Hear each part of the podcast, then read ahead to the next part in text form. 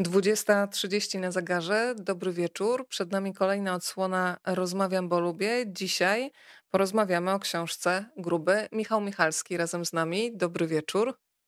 Dobry wieczór. E, Michał, przedstawię Cię jako szefa Art Rage, e, jako redaktora, jako pisarza. E, widziałam dzisiaj w zapowiedziach wydawnictwa Art Rage, że była taka jasna namowa, wręcz komunikat. Wszyscy oglądamy prezesa. Więc drodzy wszyscy, ja zaraz sprawdzę listę obecności, a potem tę listę obecności przekażę tutaj obecnemu prezesowi i zobaczymy, jakie e, wyciągnie konsekwencje. Michał, bardzo się cieszę, że się spotykamy. Napisałam bardzo szczerze, przeczytałam Twoją książkę dwukrotnie. E, bardzo mnie poruszyła i tak sobie dzisiaj pomyślałam, że z tego mojego opisu i y, zapowiedzi mogłoby wynikać, że to jest tylko i wyłącznie smutna książka, więc od razu Państwu mówię, że nie, bo bardzo często się przy niej śmiałam. Czasami to był taki śmiech, e, którym rozbrajałam różne trudne emocje. No ale w dużym skrócie, e, zaraz pewnie Państwu powiem, o czym dla mnie jako czytelniczki jest ta książka, bo każdy jednak filtruje przez siebie i to jest tak, że pisarz traci pewnie kontrolę, oddaje czytelnikowi, a potem oni opowiadają różne rzeczy na jej temat. Ale jestem bardzo ciekawa całkiem szczerze, szczerze, mm, według ciebie, gdybyś miał napisać rekomendację tak zwanego blerba na własną książkę, w dużym skrócie, to co byś napisał, Michał? To jest właśnie zawsze najgorsze, pisanie mm, blerbów e, na własne książki, więc tego nie robię i odmawiam robienia tego, e, bo tak jak powiedziałaś, e, pisarz traci kontrolę i dla każdego czytelnika może być to książka trochę o czym innym. Ja chciałem z tego zrobić troszkę książkę o trudach dorastania w pewnych konkretnych warunkach. E, nie robić z tego absolutnie książki autobiograficznej, i to nie jest książka autobiograficzna. To jest po prostu historia chłopaka, który miał trudno. I jak wielu innych miało trudno. Nie, nie żeby jest wyjątkowy w tym, że było mu trudno, tylko e, jest to jakieś doświadczenie pokoleniowe. O, może chciałem ująć pewne doświadczenie pokoleniowe. No to ja się w tym Twoim doświadczeniu odnalazłam. Zresztą sprawdziliśmy, zanim się u Państwa pojawiliśmy w domach, e, swoje roczniki. Lata 80. nas łączą. Powiem, jestem trochę starsza, ale z tym naciskiem na trochę, więc doskonale lata 90. E, pamiętam. Napisałam szczerze, Michał, że dla mnie to jest e, książka poruszająca i świetna językowo. Przyznam Ci się, że sporą część czytałam sobie na głos, bo bardzo lubię ten rytm, który się poddaje melodii języka. I przypomniała mi ta twoja książka właśnie mm, to, że nadal gdzieś tam we mnie siedzi taka 11-12-latka z przeszłości, z wrażliwością na wierzchu, z emocjami, z którymi nie bardzo wie, jak sobie poradzić. E, I dzisiaj o tym Twoim bohaterze sobie pogadamy dzisiaj, natomiast chciałam Cię jeszcze zapytać o jedną rzecz, zanim się zagłębimy w grubym, e, bo to jest Twoja kolejna książka. E, książka, którą podpisałeś swoim imieniem i nazwiskiem, ponieważ wcześniej posługiwałeś się pseudonimem i podpisywałeś książki jako Krystian Nowak. Czy to była zabawa? Czy to było sprawdzanie rynku? Czy to był lęk? Skąd taki, a nie inny wybór w przypadku wcześniejszych książek? E, bardzo prozaiczny. e, nie była to żadna jakby zaplanowana w taki sposób e, szyderczy e, czy cyniczny mystyfikacja. E, ja po prostu zajmowałem się w życiu bardzo wieloma rzeczami i pracowałem zawodowo w bardzo różnych miejscach, łącznie ze spółką Skarbu Państwa. Tego I... o tobie nie wiedziałam. I e, to mogło nie być mile widziane zawsze. W sensie, może taka historia. E, jak wydałem mm, swoją pierwszą powieść pod pseudonimem i w, obec, w ówczesnej mojej pracy poszła e, fama, że wydałem książkę. Oczekiwano ode mnie, że będę robić rzeczy spoza swoich e, kompetencji oraz zakresu zadań w pracy, bo skoro jestem panem pisarzem, to przecież mogę ogarniać copyright. Aha, czyli dodatkowe zajęcia znaleziono takiego, tak. który z przyjemnością nie przyjmie, z otwartymi ramionami. Tak, y, albo na przykład to, że mm, szukając pracy, e, potrafiłem usłyszeć, że mm, skoro zajmuję się pisaniem, to yy, przecież mogę chcieć odejść i zająć się tylko tym, więc nie warto mnie zatrudniać.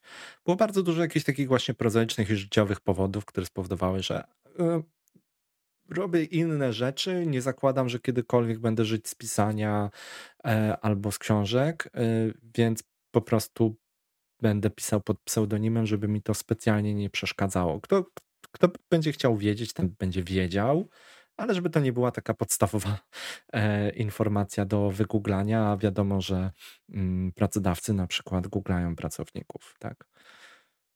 Ale powiedzcie, jak ci było z taką podwójną tożsamością? Bo zastanawiam się, z jednej strony to może być taka fajna czapka niewidka, mm, kiedy sobie na przykład e, stoisz w środowisku i słyszysz, jak ktoś e, komentuje dzieło Krystiana Nowaka i stoi obok ciebie bez tej świadomości, że to jest twoja książka.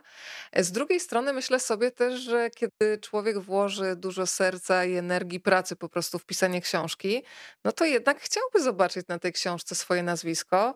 No filtruję to jakoś tak przez siebie, że na przykład nigdy bym nie chciała pisać książki za kogoś, bo skoro już coś się angażuję, no to halo, mam ochotę się podpisać jako ja, więc zastanawiam się, jak było z tobą. No tak, ale mm, w sensie to, to nie jest tak, że wymyśliłem, y, jestem jakoś bardzo oryginalny z tym pseudonimem, tak, żeby jakby szukać jak najbliżej.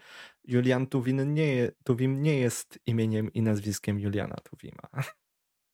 Jakby pseudonimy są używane od e, wieków wielu bardzo różnych powodów, tak? Julian Tuwim był adwokatem, nie chciał łączyć pracy zawodowej z pracą artystyczną, między innymi. E, I wymyślił sobie pseudonim. U mnie można powiedzieć, że było dokładnie tak samo. Praca zawodowa i książki, jakaś tam praca artystyczna. Tak to ujmijmy. A też nikt w środowisku nie komentował moich pierwszych książek. I to też nie, i to była to taka trochę tajemnica Policznela, że ja to ja. I chyba najzabawniejsze w posiadaniu tego pseudonimu było to, że większość osób myślała, że a, to Michał naprawdę się nazywa Krystian. No bo Michał Michalski brzmi dobre. jak pseudonim tak. artystyczny, tak. a nie Krystian Nowak. Więc e, była pewna konfuzja, jak się właściwie nazywam. I tyle. No to człowiek, żeby nie było wątpliwości, który siedzi razem z Państwem, naprawdę nazywa się Michał Michalski, jest autorem e, Grubego. E, słuchaj, wprowadźmy trochę w tę historię. Powiedziałeś e, w zasadzie na dobry wieczór, że to nie jest powieść autobiograficzna. I w jednym z wywiadów znalazłam u ciebie takie zdanie, że nie jesteś grubym, czasami grubym bywasz. Myślę o głównym bohaterze twojej książki, nazywanym przez rówieśników bułą. Więc co możesz zdradzić te prawdziwe historie, a co dorzuciłeś, gdzie się mogłeś schować z jakąś literacką historią? Znaczy, wydaje mi się, że generalnie każda, każda jakakolwiek literatura jest jakimś przetwarzaniem swoich osobistych doświadczeń. I czasami to przetwarzanie jest silniejsze, czasami lżejsze. Jakby no tak, bywałem grubym i bywam nadal grubym e, z tej książki, ale nigdy nie byłem tak w pełni. Jakby nie jest to spisanie moich wspomnień i moich e, doświadczeń. Jakieś tam niektóre elementy są na podstawie mojego życiorysu, tak. Na pewno mm, część emocjonalna e, była łatwiejsza do, do odwzorowania niż wymyślenia. Na pewno niektóre rzeczy, te zapewne, które ludzie odbierają, tak zresztą często bywa z czymkolwiek, nie tylko w tej książce, e, te, które wydarzyły się naprawdę i są takim spisaniem jakiegoś wspomnienia, e, wyglądają na najbardziej nieprawdopodobne. E, I odbierane są jako najbardziej nieprawdopodobne. A, a mogły mieć miejsce, znaczy miały miejsce, tak? Tak jest zresztą też z językiem w tej powieści, że bardzo dużo osób że bardzo dużo to nie, bo bardzo dużo osób to nie przeczytało tej książki, ale sporo osób, jest sporo takich głosów, że dzieciaki e, w tym wieku e, tak nie rozmawiają, tak się nie odzywają, e, nie przeklinają tyle, nie rozmawiają tyle o seksie. No to, to jest ak a, a, akurat taka rzecz właśnie, o którą ja się zwykle kłócę, że no, proszę pójść, nie wiem, na podwórko i posłuchać, jak dzieciaki rozmawiają i o czym. E, oraz y, proszę sobie przypomnieć, co się samemu robiło w tym wieku. Powiedziałeś o tym odtwarzaniu warstwy emocjonalnej i to też mnie e, zastanawiało. Przyznałam się Michałowi, ale dzisiaj też Państwu w zapowiedzi, że jakiś czas temu znalazłam swoje pamiętniki z lat 90. Na początku bardzo mnie bawiła ta lektura, ale bawiła mnie tak może przez kwadrans, kiedy czytałam o pierwszych szkolnych miłościach, a potem przeczytałam bardzo dużo na temat samotności, kompleksów, bardzo raniących słów e, słyszanych od dorosłych, od nauczycieli. E, I w ogóle przestałam, przerwałam czytanie tych pamiętników, bo jakoś było to takie bardzo dziwne spotkanie z sobą samą z przeszłości, a jednak miałam taki filtr w głowie, że dzieciństwo to tylko beztroska, fan, przygoda, a tam jednak było sporo jakiegoś takiego bólu i cierpienia, które gdzieś tam wyrzuciłam chyba po drodze z głowy i zastanawiam się, czy na czym bazowałeś? Czy te wspomnienia były w tobie tak mocne? Czy miałeś jakąś bazę, może też jakichś konsultantów młodych w wieku 11-12 lat, żeby trochę się, wiesz, zbliżyć, bo czasami mi się wydaje, że, jako nam, że nam dorosłym czasami może się wydawać coś tam, nie? że jako dwunastolatek to, to było tak czy siak. Tutaj ja poczułam bardzo mocno właśnie siebie sprzed lat, więc y, to, to przerzucenie w te emocje ci się świetnie udało, więc zastanawiam się, jak tę warstwę emocjonalną w, w tej książce budowałeś.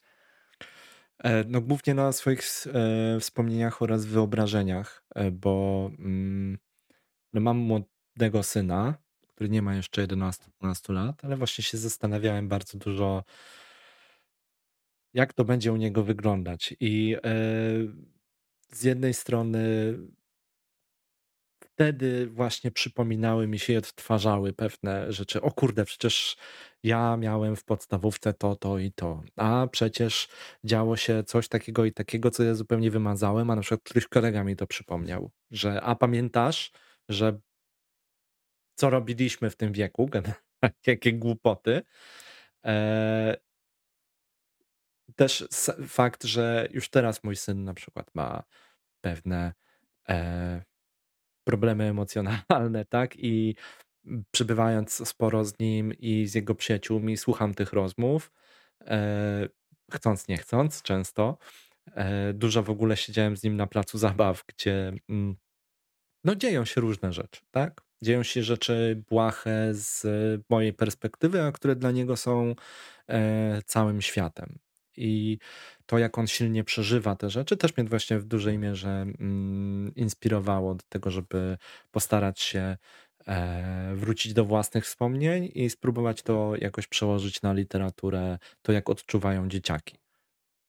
O, cieszę się, że są z nami również ojcowie właśnie synu w wieku 12 lat. Wojtek napisał, że tak, ma syna w wieku 12 lat i jest jazda. E, a tutaj jeszcze chciałam przekazać od pani Janny pozdrowienia e, dla pana prezesa. Pozdrawia rocznik prezesa Michalskiego po lekturze grubego tknięta tą opowieścią, więc możemy taki e, klub tkniętych e, opowieścią e, założyć dzisiaj. Dlaczego nie? To wprowadźmy trochę w tę rodzinę, w której mieszka Buła, bo bardzo mi się podoba, że ty go umieszczasz w bardzo konkretnej miejscowości, która też powiedziałabym, że sprzyja takiemu wyobcowaniu i byciu trochę na takim życiowym aucie. Powiedz trochę o jego matce, trochę o jego ojcu. Tam się też pojawia bardzo ciekawa postać babci, tyle ile możemy zarysować, żeby też oczywiście nie zdradzać przyjemności odkrywania tej historii już podczas e, samodzielnej lektury. Mm, jest to nadmorska miejscowość, kurort głównie. E, tutaj e, moja osobista fascynacja tym, jak wyglądają i żyją, tudzież nie żyją kurorty po sezonie. Zawsze się zastanawiałem, jak to musi być mieszkać w takim miejscu cały rok. E, więc postarałem się mm, to sobie odwzorować. E, rodzina jest, wydaje mi się, rodziną, mm, która była dość typowa. Z moich obserwacji przynajmniej tak wynikało e, w tamtych czasach, wczesnych 90., czy połowie 90., mm, że rodzice głównie pracują i to jest ich sposób na okazanie miłości. że pracują tyle, żeby zapewnić przetrwanie im wszystkim i przez to nie starcza im specjalnie czasu na cokolwiek więcej. I robią co mogą, nawet jeśli koszt jest tuży, tak jak na przykład wyjazdy mm, za granicę, żeby e, zarobić trochę pieniędzy i nie wracać przez parę miesięcy. E, babcia, no niestandardowa dość, powiedziałbym, bo e, wojskowa była. To akurat moje własne doświadczenie, ponieważ moja babcia również była wojskową. Stąd. I jaki stopień wojskowy? Moja babcia nie żyje, więc niestety nie jestem w stanie zapewnić, że taki, a nie inny, więc wolałbym tutaj nie konfabulować. To przemilczmy to, nie, dobra. Nie, tak, nie, nie, nie, jestem tego pewien, e, ale tak, oficerski.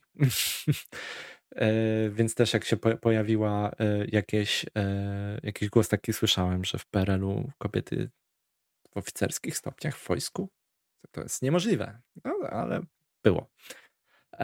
Więc babcia dość specyficzna, podejrzewam, natomiast zdecydowanie typie, którego pewnie byśmy umiejscowili zwykle mężczyznę, patriarchę. I tutaj raczej babcia tym rządzi. Chociaż jakoś bardzo silnie ta rodzina, mam wrażenie, nie jest taka zarysowana i bardzo rozwinięta. Starałem się raczej, żeby tłem było jednak to mm, dzieciństwo, a dorośli w życiu mm, dziecka znaczą znacznie mniej niż by chcieli.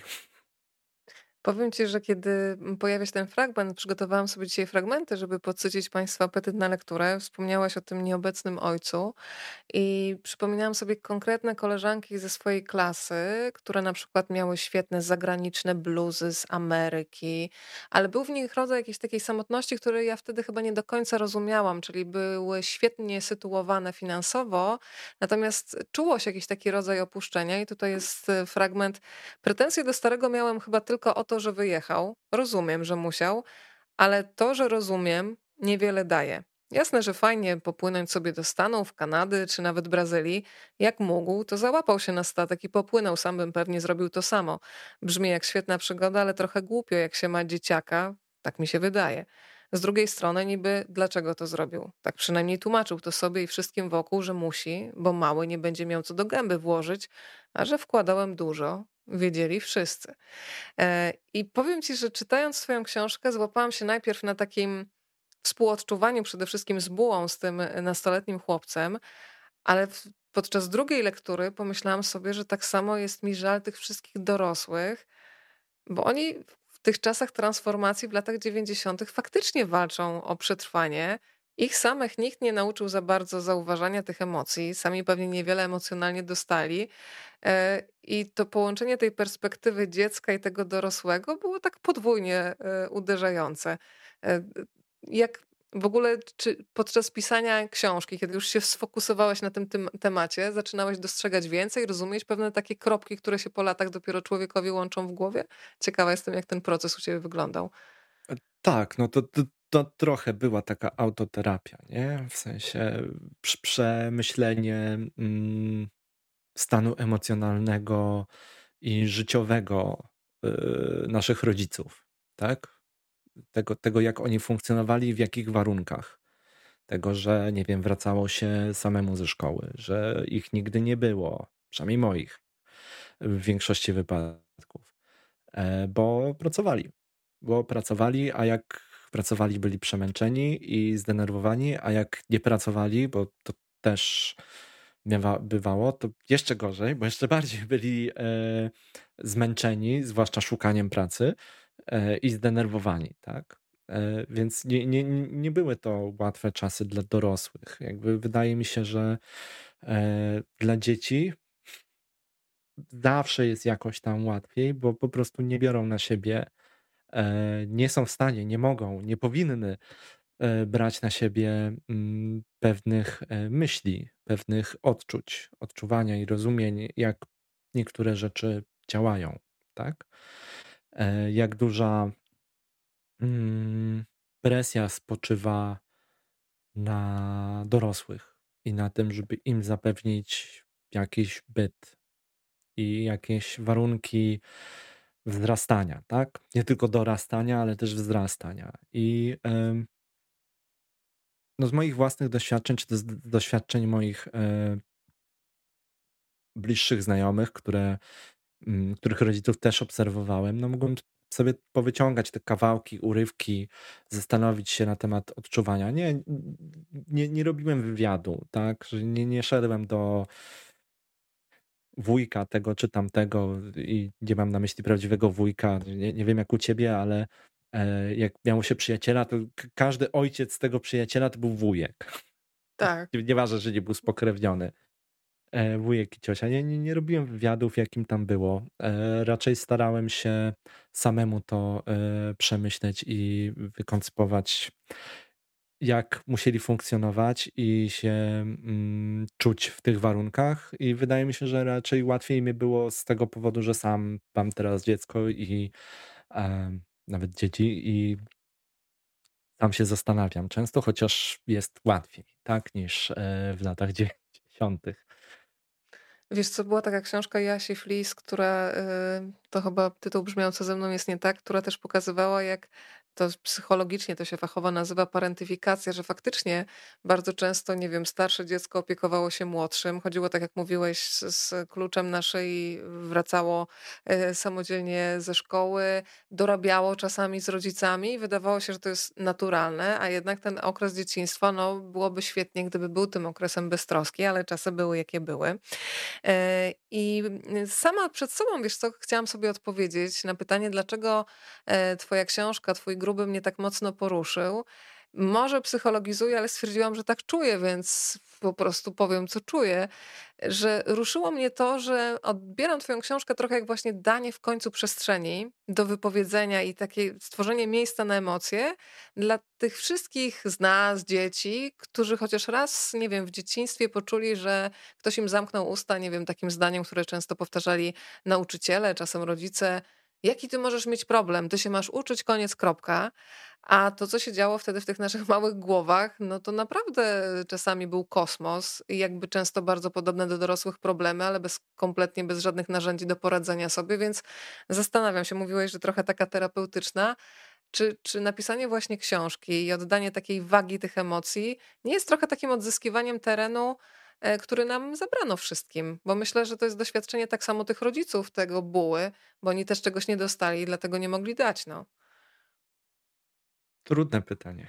Trudne się wylosowało. I, Łatwe są dla mnie i zdolnych. Wtedy taką, wiesz, mam pulę specjalną, ale... ale rzadko z niej korzystam, więc wiesz, tutaj rozmowy na poziomie. Stań na wysokości zadania wychodzę e, przez książki, wychodzę na mądrzejszego niż e, w rzeczywistości jestem. A nie pewne kokietuj. rzeczy nie kokietuję. No jakby nawet nie umiem specjalnie odpowiedzieć po prostu na to pytanie bez e, dłuższego i mocniejszego zastanowienia, na które tutaj trochę nie ma miejsca. Floryda cię słucha, słoneczna. Zobacz. Nie, nie, o, nie przemyślałem tego w ten sposób. Nie patrzyłem na to w ten sposób. Raczej. E,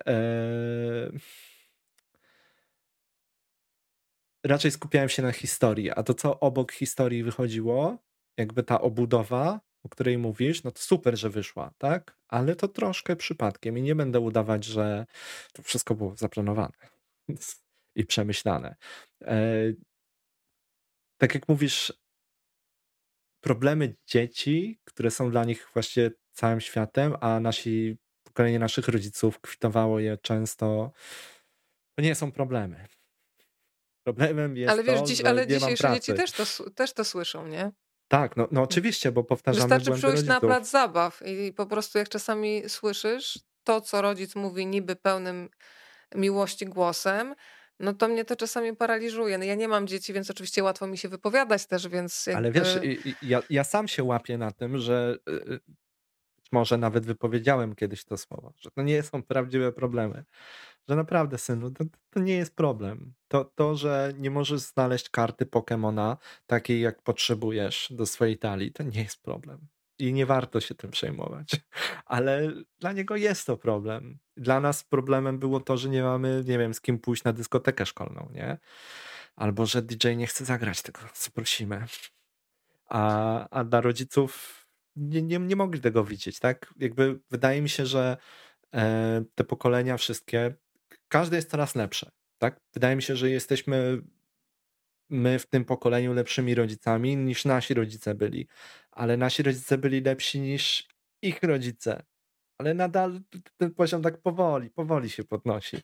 I ich warunki i, i też często powtarzane przecież zdanie, przynajmniej ja je słyszałem, że za moich czasów to nie było takich rzeczy, to ty masz teraz po prostu w dupie się Luksus. przewraca. W dupie się przewraca od tego po prostu, co ty dostajesz i, i co masz i jakie warunki cieplarniane my ci stworzyliśmy w porównaniu z tym, co oni mieli. Nie? Ty w ogóle nie czujesz się e, w warunkach cieplarnianych, zwłaszcza i to też miałem nadzieję, że się uda jakby, że, że kontekst jest taki, że ok, ty masz te warunki, one są cieplarniane w kontekście i w porównaniu z tym, co mieli rodzice, ale ty na przykład obserwujesz e, świat zachodni poprzez popkulturę i w kontekście tego, co chłoniesz i czym jesteś bombardowany, no to wszystko wygląda bardzo źle.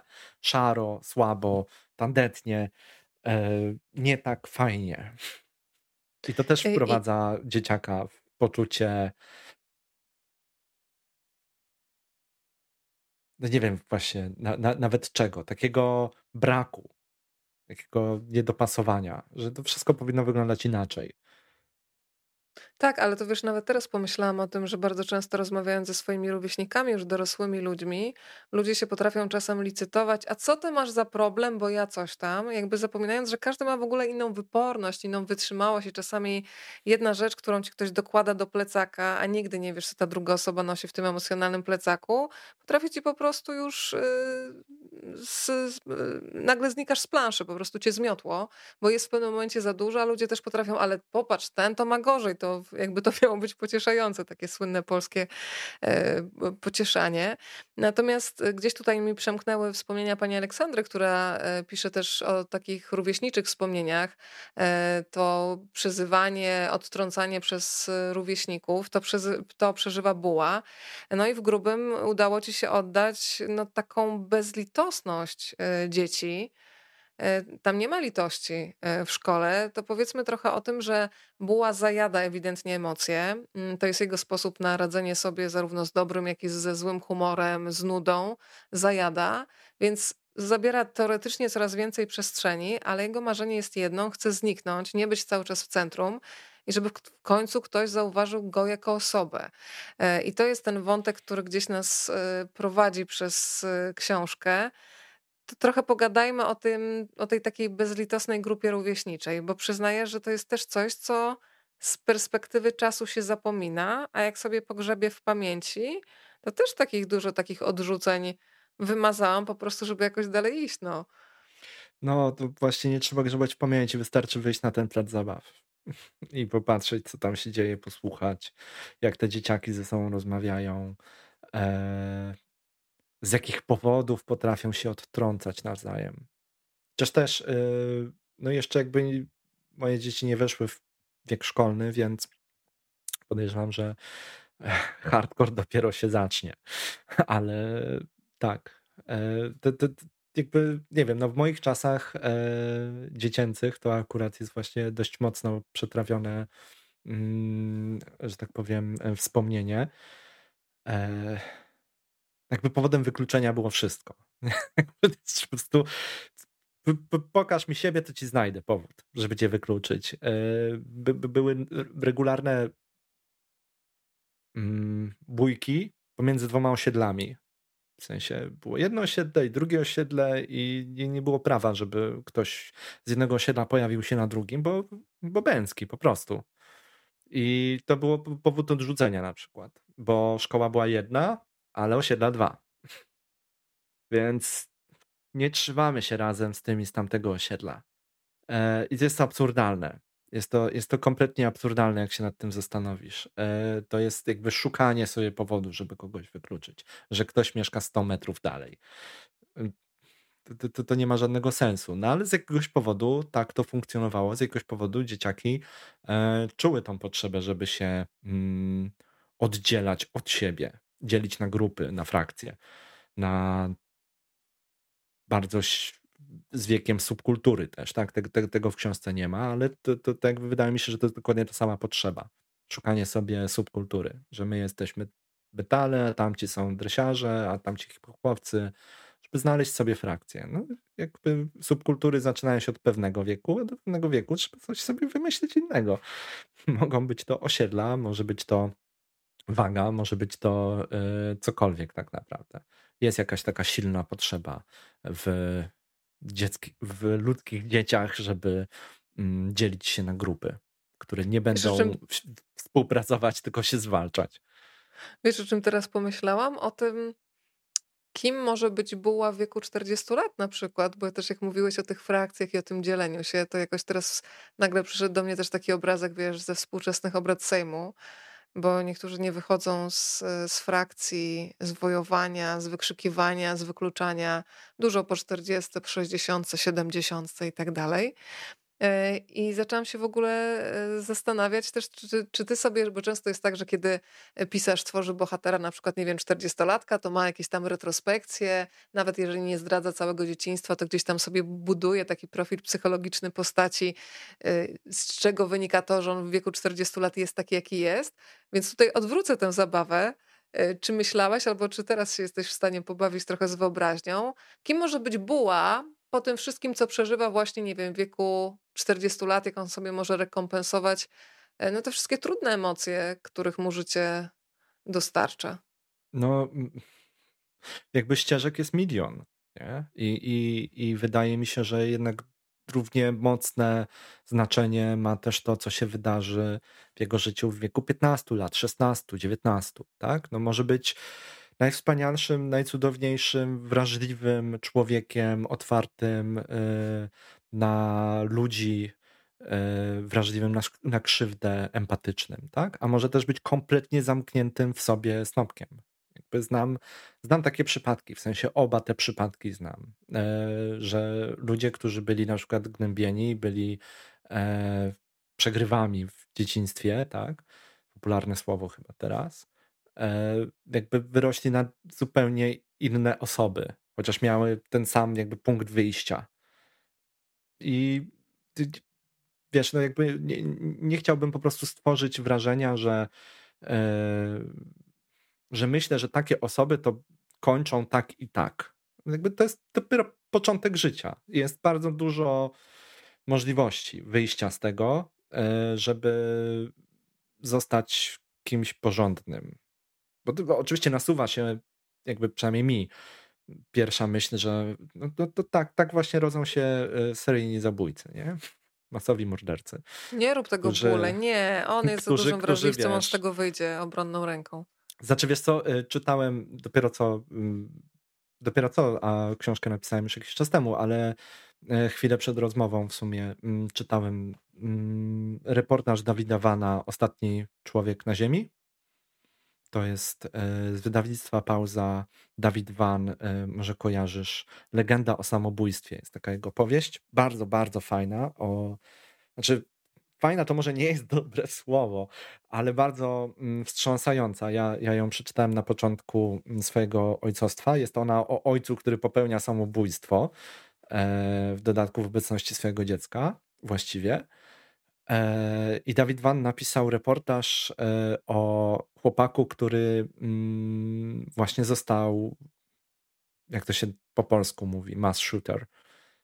Masowy zabójca, tak? Bo nie seryjny, bo, tak. bo, zrobił mhm. je, je, jeden rzut, wszedł na uczelnię i zaczął strzelać mhm. do ludzi. Tak. Mhm. I on właśnie bardzo mocno mu robił tą retrospekcję i, i to się trochę jakby zazębiało z bułą.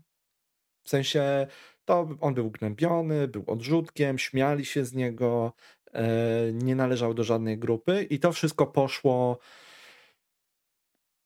w takim, a nie innym kierunku. Oczywiście do tego doszły pewne zaburzenia, e, problemy mm, w życiu rodzinnym i, i, i bardzo dużo innych aspektów. Ale właśnie to, to, to jest taka, mm, taki standard trochę. W sensie mam takie poczucie, że to jest takie, no z tego to będzie problem albo z tego to nikt e, nie wyrośnie jakby silny i mm, porządny.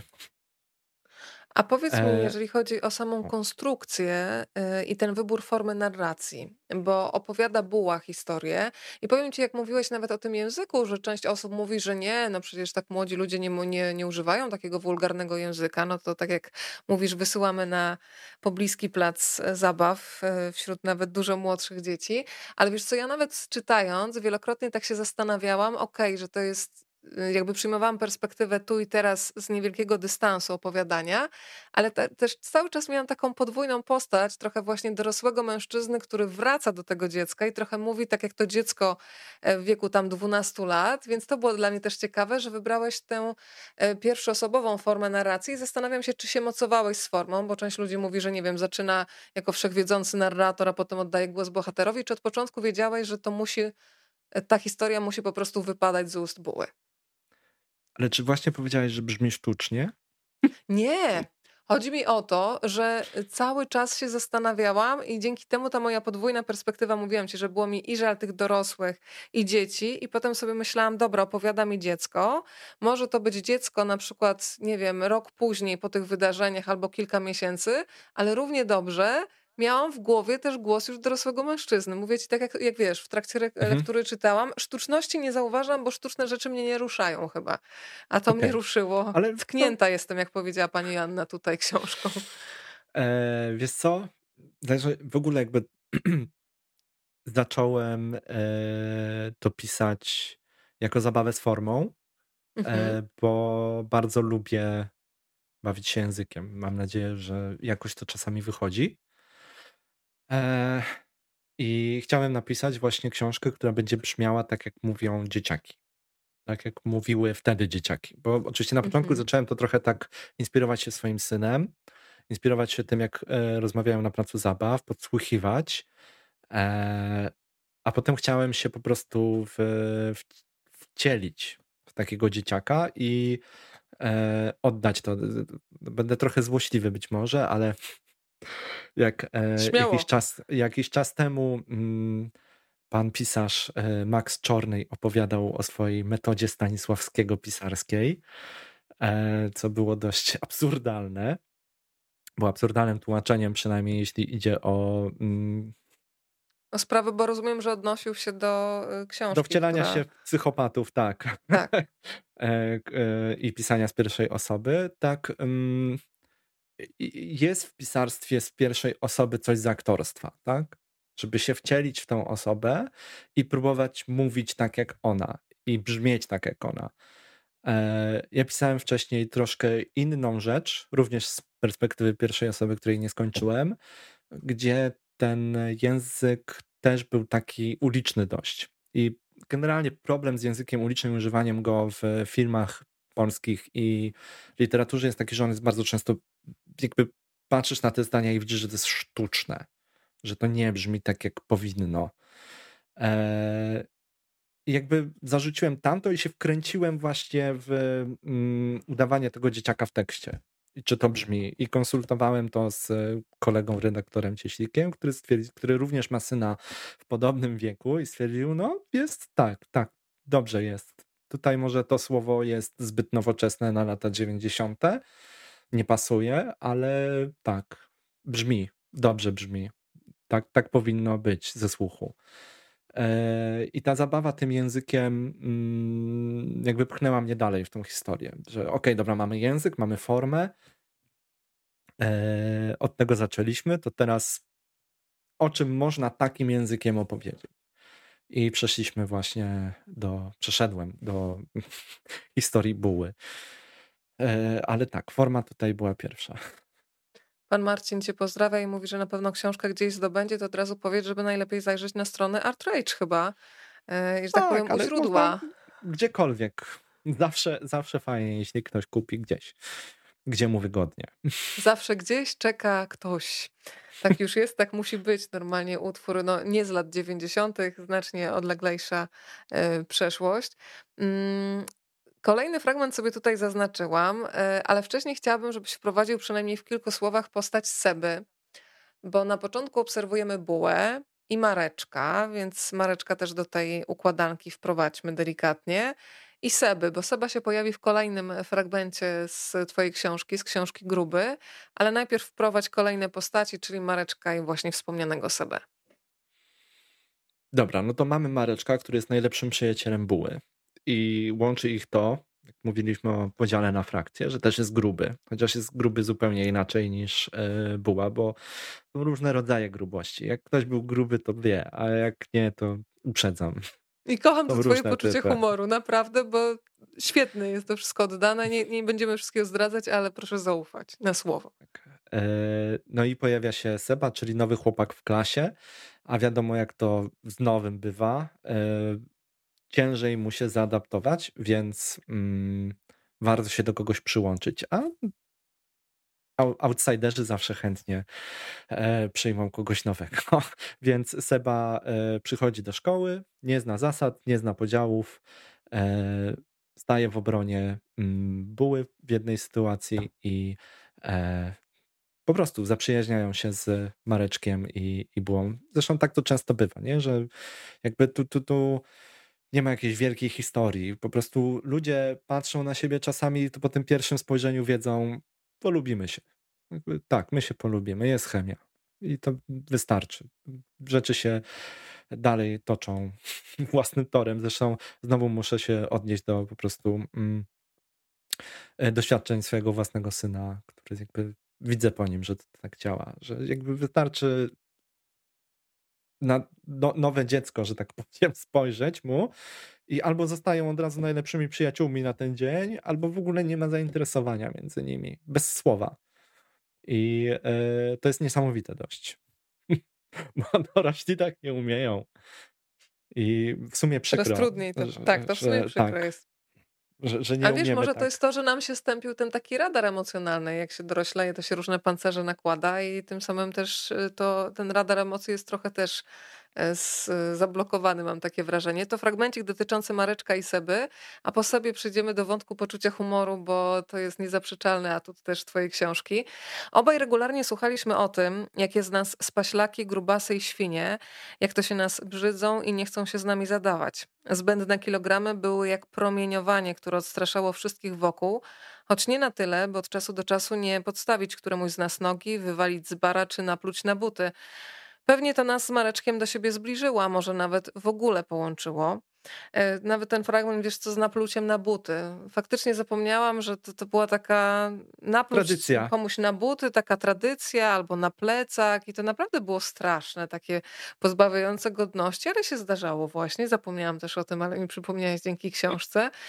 E, najczęściej byłam ofiarą, wiesz, nie plułam nikomu chyba na buty, chociaż może wiesz, może w czyjejś pamięci to ja jestem, która pluje na buty, nigdy nie wiadomo. No ale dobra, Seba niech nam się pojawi. Inną rzeczą, którą Seba odwalił w poprzedniej szkole było, jak się wyraził, schakowanie automatu z napojami. W sensie gość skumał, że jak pod odpowiednim kątem przechyli automat, to jest w stanie z czyjąś pomocą wytrząsnąć z niego monety.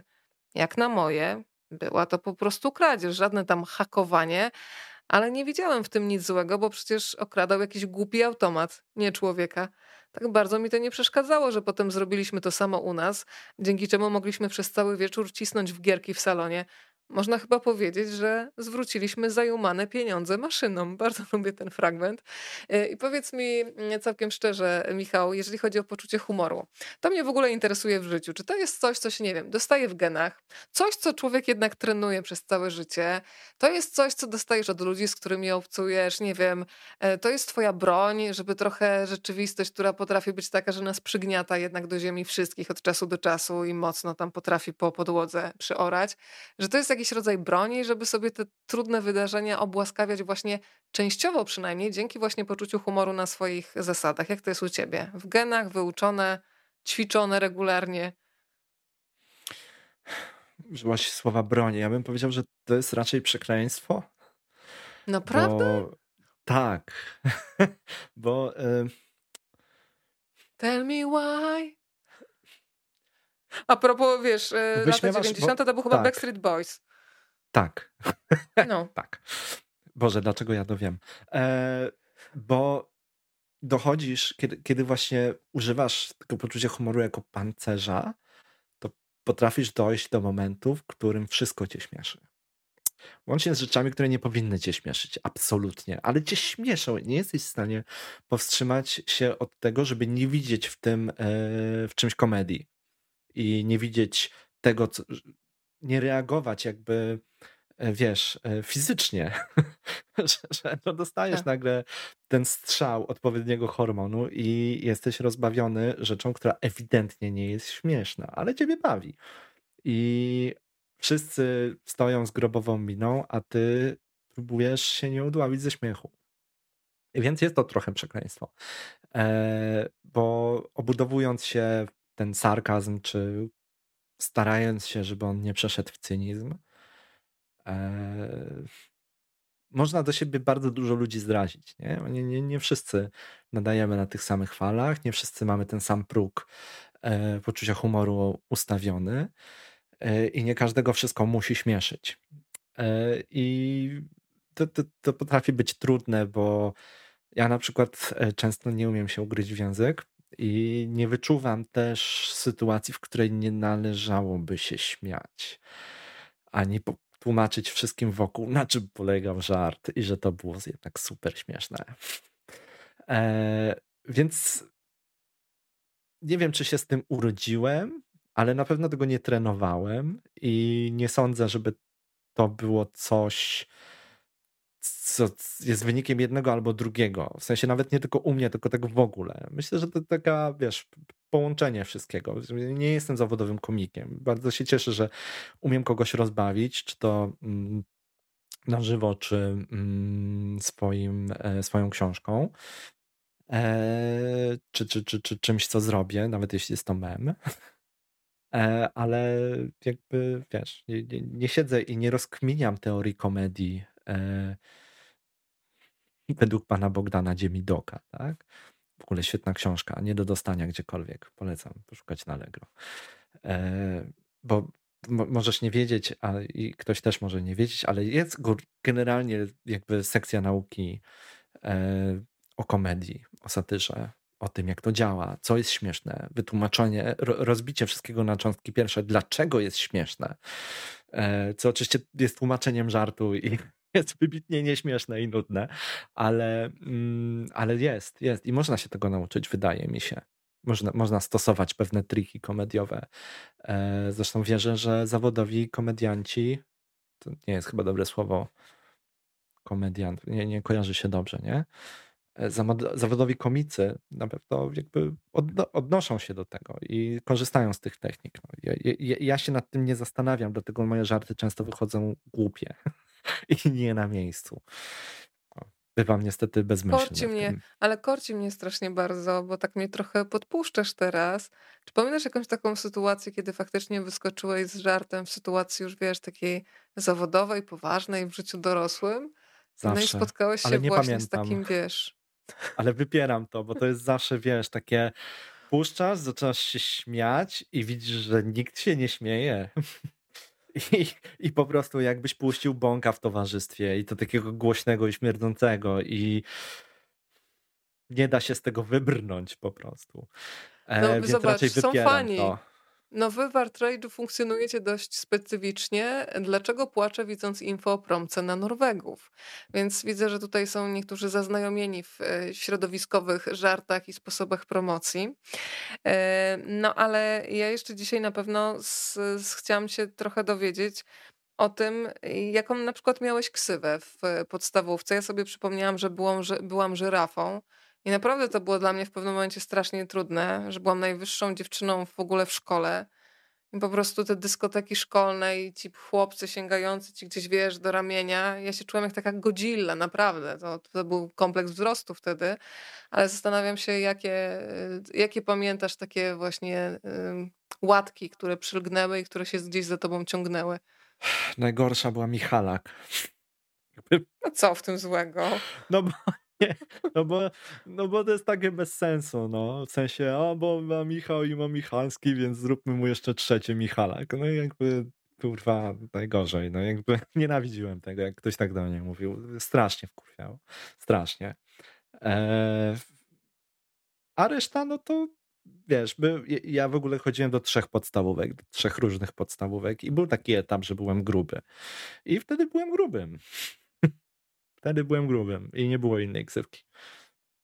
Ale wtedy cię to bolało? Czy mógł tutaj ktoś napisał, że, że yy, hmm, czemu ja miałem pseudonim Juby, nie pamiętam, na osiedlu, a w podstawówce i tam były żarty, tyle że jakoś się za bardzo nie przejmowałem i tak mam do dziś. To pan Marcin akurat komentował, ten, który właśnie szuka gdzieś twojej książki i mam nadzieję, że znajdzie w dobrym źródle. Juby. Wiesz tak, co, no by, bo, y, bo, bo tak. to było odróżnienie, bo jak był jeden gruby, i był mhm. drugi gruby, to żeby nie było dwóch grubych, to jeden był gruby, a drugi juby. E, wydawało mi się, że to jest takie typowo warszawskie. Nie wiem skąd pan Marcin jest, ale no u, u, Panie Marcinie, u proszę się Bielanach, u, u, nas na Bielanach to tak właśnie funkcjonowało, nie? Że, że był gruby i juby. E, bo na osiedlu na przykład miałem jubego i wszyscy wiedzieli, że juby to nie gruby. że to są okay, dwie różne osoby. I, Ale skoro e, mowa o... No mów, no. mów, przepraszam. Nie, przepraszam, to, to mi się tak jakby... Mm, wiesz, ukonstytuowało w głowie, że Juby to jest taki poważny człowiek. gruby to jest, tak, tak, gruby to jest do pomiatania, ale Juby to jest gość, z którym nie, nie można zadzierać. No jakbyśmy tu wzięli, e, odnieśli się do książki, no to grubym był Buła, a Jubym był Mareczek. Że szacunek budził tą swoją grubością.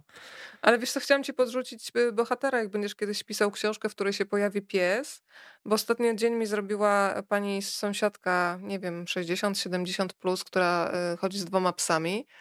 No i się zapoznawały nasze. Ja mówię, jak ten piesek się nazywa? Ona mówi Obi od Obi Boka. I pomyślałam sobie, poznać Obi Boka w poniedziałek i naprawdę, jeżeli chcesz, to zabieraj do książki, jak nie, to go gdzieś sama umieszczę, bo Obi Bok robi dzień. Tak, psy to w ogóle jest osobna historia. Ci wspominałem, jakby mieszkam na dużym osiedlu, dużo psów tam mam, nie? I na przykład e, co najmniej trzy psy, które mają imiona od wódek, od marek wódki. Czyli? Dlaczego? No to, to, to, na przykład Bols. Ale nie, nie, ja, ale właśnie te, te trzy, bo jestem ciekawa, ja sobie od razu wizualizuję te trzy psy, więc nie zostawiam mnie po prostu trzy marki wódki, no ale jakieś konkrety. Bo czym inny no, będzie zbożowy, a czym inny będzie staram się nie, nie ujawniać, wiesz, tutaj personalu. Myślę, że to nie są popularne bardzo imiona, więc nie chciałbym, wiesz, jakiegoś RODO złamać e, okay. i, i, wskazywać, no, że coś Pan Marcin ci napisał, że jest e, ze, z Scyzorolandii, czyli z hmm. Kielc, hmm. czyli tam też Juby, widzisz, obowiązywał. Też Juby. Albo przeniósł się przez Kielce, przez e, Leroya się przeniósł do Warszawy, bo wtedy wszyscy słuchali. Może w którymś Ale skoro było. mówisz y, też o imionach i nazwiskach, to przyznaję, że odetchnęłam z ulgą i przyznam się Państwu, że zapytałam o to e, Michała podczas naszej próby technicznej, ponieważ znam Marcina Szczegielskiego i go bardzo lubię. A w Twojej powieści pojawia się bohater, który nosi to samo imię i nazwisko i jest naprawdę strasznym typem w tej szkole. No ale mi powiedziałeś, że, że jakoś nie miałeś świadomości, więc y, powiedzmy to głośno i wyraźnie, żeby nie było Bardzo przepraszam pana Marcina, y, jakby nie byłem zaznajomiony z jego twórczością i nie wiedziałem o jego istnieniu jako pisarzu i nie chciałem go umieścić w książce. Zrobiłem to zupełnie przypadkowo. Przepraszam. no proszę, wybacz mi, zrobił nam się program nawet. Y, pojawiło się jeszcze, tam się pojawiasz, oddajesz jakby rzeczywistość lat 90. i tam się pojawia oczywiście sklepik szkolny i faktycznie ja tam też bardzo często przybywałam i zawsze to 5 zł było w, w kieszeni, żeby coś kupić, chociaż wtedy nie wiem, czy to było 5 zł, czy, czy jeszcze przed denominacją to pewnie było.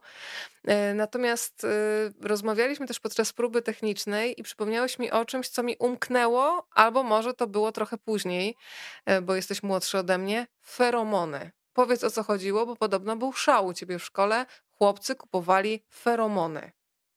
Tak, tak. No, by, były, nie wiem, czy sobie to przyśniło mi się, czy, czy coś, ale że były nawet reklamy w telewizji na Polonii 1 feromonów.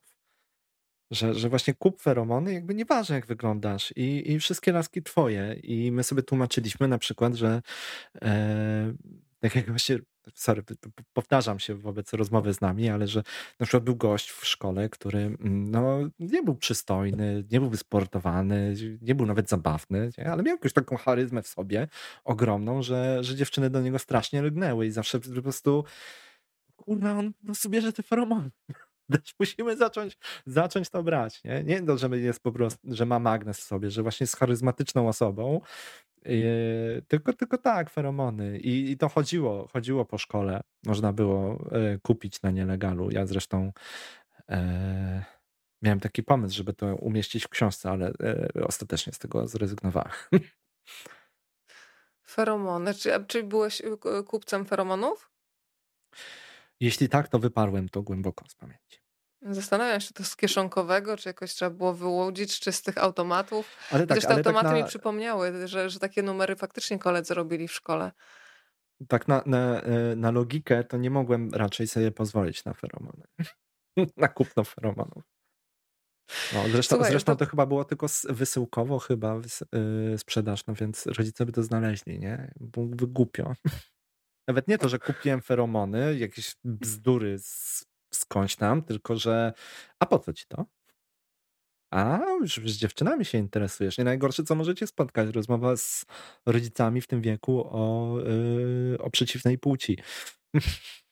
Ale ten wątek właśnie takiej pierwszej, fas, pierwszych fascynacji się pojawia w grubym e, i to jest bardzo ciekawe, bo dopiero po latach do mnie dotarło, że z jednej strony bardzo mnie denerwowało, że uczono nas jako dziewczynki takiej uległości, reaktywności, jak ktoś cię do czegoś zainicjował, zaprosił, to możesz odpowiedzieć lub nie, ale że nie uczono nas jako małe dziewczynki takiego inicjowania kontaktów, czy sięgania po rzeczy, które cię interesują, ale z drugiej strony, dzięki bóle z twojej książki, pomyślałam sobie, że dla dorastającego chłopaka musi być podwójnie trudne to, że jakby dochodzi do jakiejś relacji, kontaktu z drugim człowiekiem w momencie, kiedy to on zainicjuje ten kontakt, a jest w takim momencie, kiedy ma całą masę kompleksów i taką niepewność w sobie, więc gdybyś mógł na tej wirtualnej osi czasu nas przenieść do tego momentu, co się dzieje w głowie małego chłopaka, któremu po pierwsze od małego mówi się nie płacz, nie mów o swoich emocjach, bądź superdzielny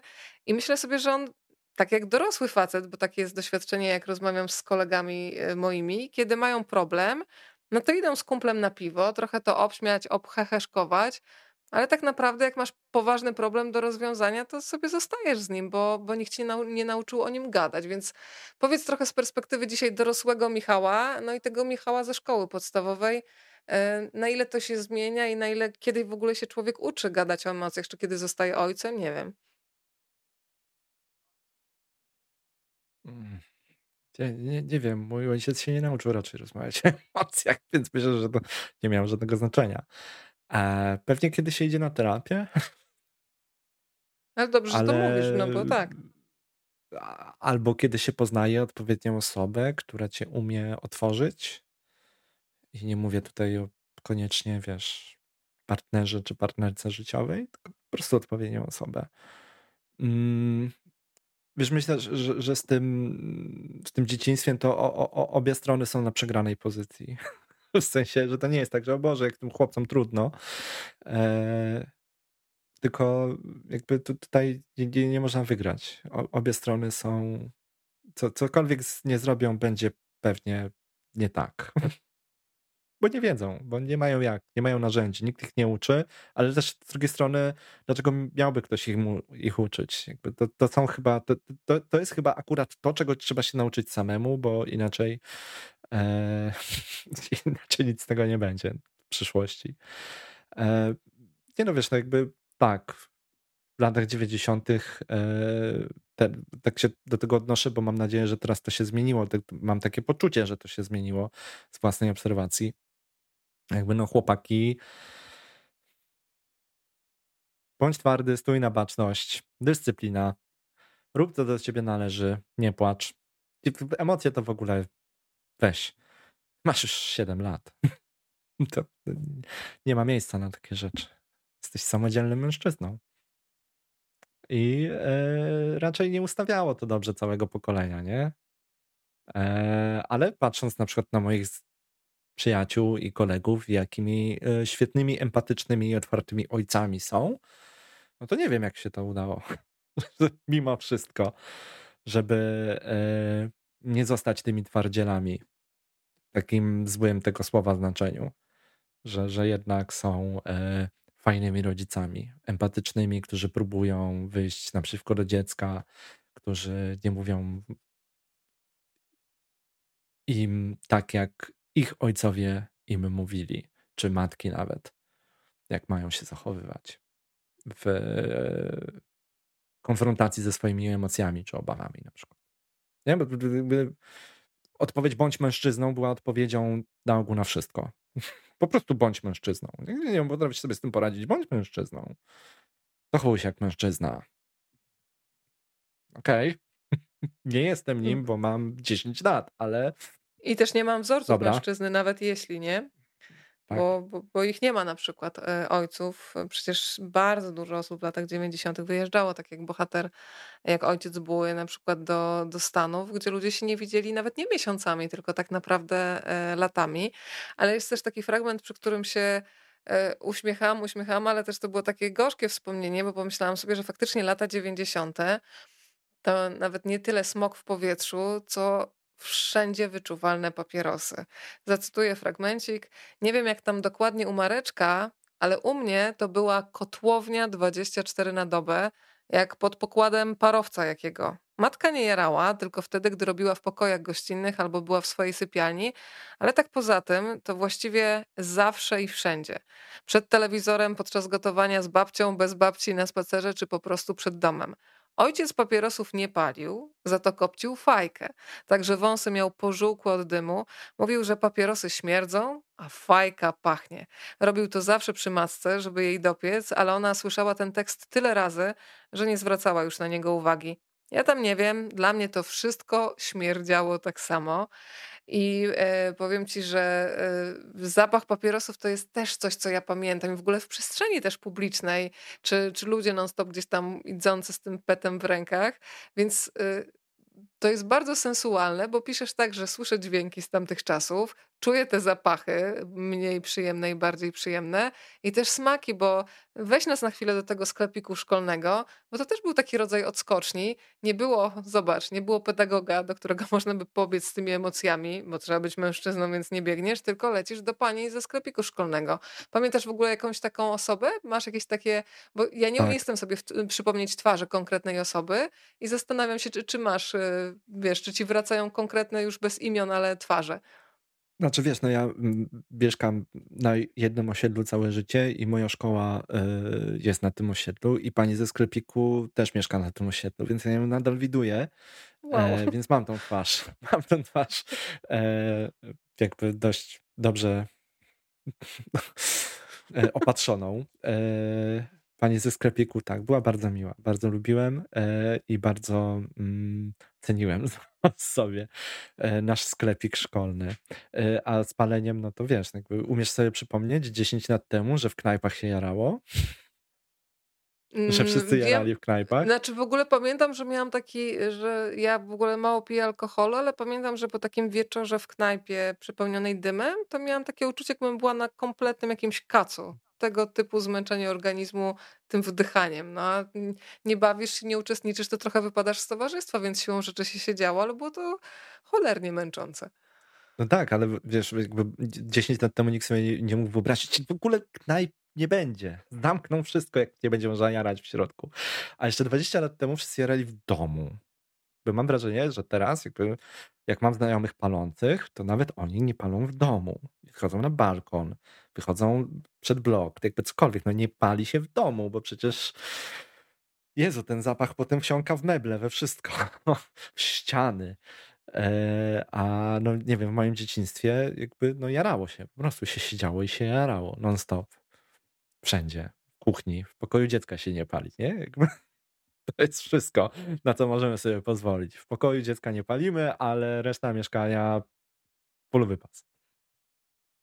No ale też pojawiają się, wiesz, no, takie, mm, e, jak się biegało do sklepiku szkolnego, jeszcze teraz mi się tutaj odpaliły, że przecież piszesz o paczce grubych lejsów, o rogalach Starfood. Zapomniałam w ogóle o Starfoodsach, a faktycznie było to strasznie sztuczne i chemiczne, ale wchodziło Na zawsze jak w naszych sercach.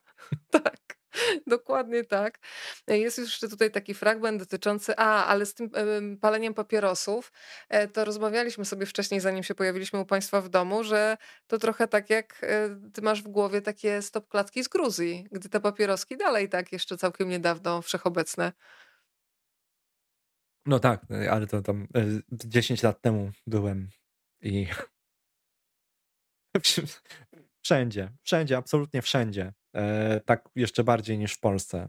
W sensie w środkach komunikacji miejskiej, w, w taksówkach, w których siedzą obce osoby i jedzie się z nimi gdzieś i oni wszyscy jarają. Nie wiem, może się zmieniło teraz, bo to już 10 lat, ale wtedy e, to, to, to było takie doświadczenie. Ja, ja, ja na przykład nie paliłem wtedy i musiałem zacząć, bo po prostu się nie dało wytrzymać inaczej tego, tego biernego palenia. Już lepiej było samemu się zaciągać. No i papierosy były super tanie. E, kapitańskie na przykład wspominasz w grubym. Pan Marcin napisał guma turbo czy gumy z tatuażami to był hicior, nie mówiąc jak dostałam od matki chrzestnej Gameboya z grąs w małpki, król osiedla przez miesiąc. Gra w małpki, czy nie no, ja to jestem chyba jednak za stara, bo ja miałam tego wilka i zająca. Gra w małpki, nie, to ja chyba tego nie miałam. Miałeś, Michał? Gra w małpki? Ehm, nie miałem Gameboya, pożyczałem, ale nie kojarzę gry w małpki.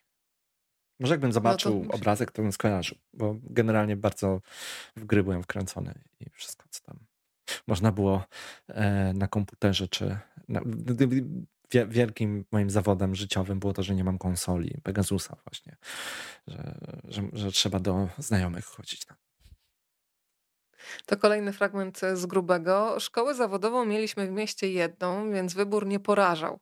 Inne miasta mogły się pochwalić zawodówkami o różnym profilu, a u nas była szkoła morska imienia Stefana Żeromskiego. Można było po niej uzyskać tytuł zawodowy technika nawigatora albo technika mechanika okrętowego. Niezbyt ciekawa perspektywa, jeśli wziąć pod uwagę, że coraz więcej osób w mieście swoje łajby sprzedawało albo zwyczajnie porzucało, by wyjechać za granicę albo zatrudnić się przy frakcie międzykontynentalnym, a dalej z dala od tej pipidówy. W związku z tym szkoła, jak to ujęto, wyczuwając wiatr zmian wiejący w żagle naszego miasta, postanowiła wyjść naprzeciw rosnącym potrzebom i kształcić również w zawodzie technika hotelarza. Oznaczało to tyle, że każdy, kto skończy, będzie robił dokładnie to samo, co do tej pory robił u swoich starych czy znajomych, tylko z dyplomem, który w oczach wszystkich, pewnie łącznie z nauczycielami, uchodził za czasochłonny żart. E, to skoro jesteśmy przy takich tematach zawodowych, to wróć myślami do siebie, kiedy miałeś lat 12. Czy mieściło ci się w głowie, że będziesz prezesem Art Rage, że będziesz pisarzem, że będziesz redaktorem? Bardzo proszę, to jest twoja chwila prawdy. No, nie mieściło mi się to w głowie jeszcze, e, myślę, dwa lata temu i chyba nadal się nie mieści. W sensie, no nie postrzegam, wiesz, no jakby prezes, no śmieje, śmiejemy się wszyscy z tego prezesa. Mam nadzieję, że nikt nie myśli, że ja na poważnie, czy ktokolwiek na poważnie y, tytułuje mnie prezesem. No jakby tak, no w KRS-ie jestem wpisany jako prezes, bo ktoś być musi. Padło na mnie. E, może powinniśmy zrobić prezesa rotacyjnego, e, ale na razie ja zajmuję ten zaszczytny tytuł. E, I e, od niedawna jest to moje zajęcie jakby full time. Tak w perspektywie ilości lat, którą mam na karku. Więc nie, zupełnie. Jakby nie, nie, nie, zakładałem, że, że cokolwiek z tego się mm, spełni i że będę miał e, ten komfort, żeby pracować e, wyłącznie z książkami. Tak, jakby e, poświęcić temu swoje życie zawodowe. Jakby trochę wracamy do tego, co było o, o, o pseudonimie, tak. Że no, teraz mogłem wydać pod swoim imieniem nazwiskiem, bo, bo, bo już trochę jakby tamte mosty spalone już. I nie wrócę do pracy w agencji reklamowej, nie wrócę do pracy mm, gdzieś indziej. Tak mi się wydaje, że, że jakby byłoby to bardzo, bardzo, bardzo trudne, także psychicznie dla mnie, żeby nagle po tych latach tutaj zaangażowania mieć kogoś nad głową, kto będzie mi mówić, co mam robić. Chociaż oczywiście czasami bym tego chciał. W sensie, żeby ktoś mi powiedział, co mam robić właściwie.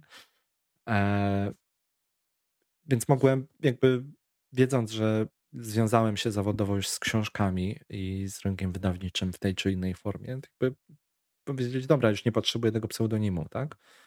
I możemy zrobić też tak trochę nowe otwarcie pisarskie, bo E, no, te książki pod pseudonimem Krystian Nowak miały.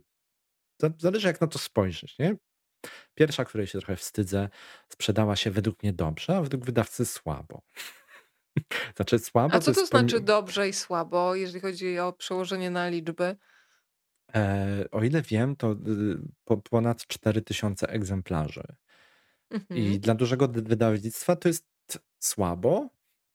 Też chyba były większe nadzieje związane z tym tytułem, ale jak na debiutującego pisarza nikomu nieznanego. Pod Ty mówisz o książce Wszyscy ludzie, których znam są chorzy psychicznie, tak?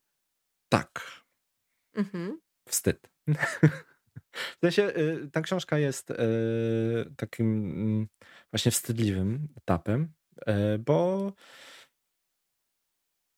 bo wtedy jeszcze nie wiedziałem, że żart ma datę przydatności.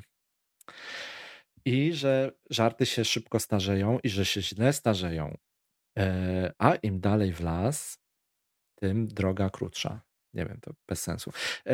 Jakby mam, mam poczucie, że żarty starzeją się coraz szybciej. tak, że, że, że, kiedyś ten, ta, ta data spożycia żartu, data użycia żartu była znacznie dłuższa, a dzisiaj nie jest. I jak pisałem tą książkę, to był tam rok X, e, zanim ona wyszła, minęło półtora roku i już wtedy te żarty były mm, za. Jezu, Mogę przeklinać? Były, były strasznie no, przeruchane. No. Musisz... No. Jakby nie, nie znajduję O, jakie straszne lepszego. to było. Nie, Wygrałeś nie, konkurs na najstraszniejsze słowo na pokładzie Rozmawiam, bo lubię. No trudno, no.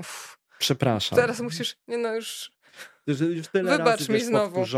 No. i yy, użyte. Nie, jakby, tak jak teraz się często robi ten diagram życia mema, nie? Jakby mem, mem wchodzi, ludzi bawi, zaczynają go używać korporacje i spadek śmieszności, nie? Już jest tak po prostu przerobiony, tak przewalony przez wszystkich, że przestaje być śmieszny, a robi się to wyłącznie żenujące.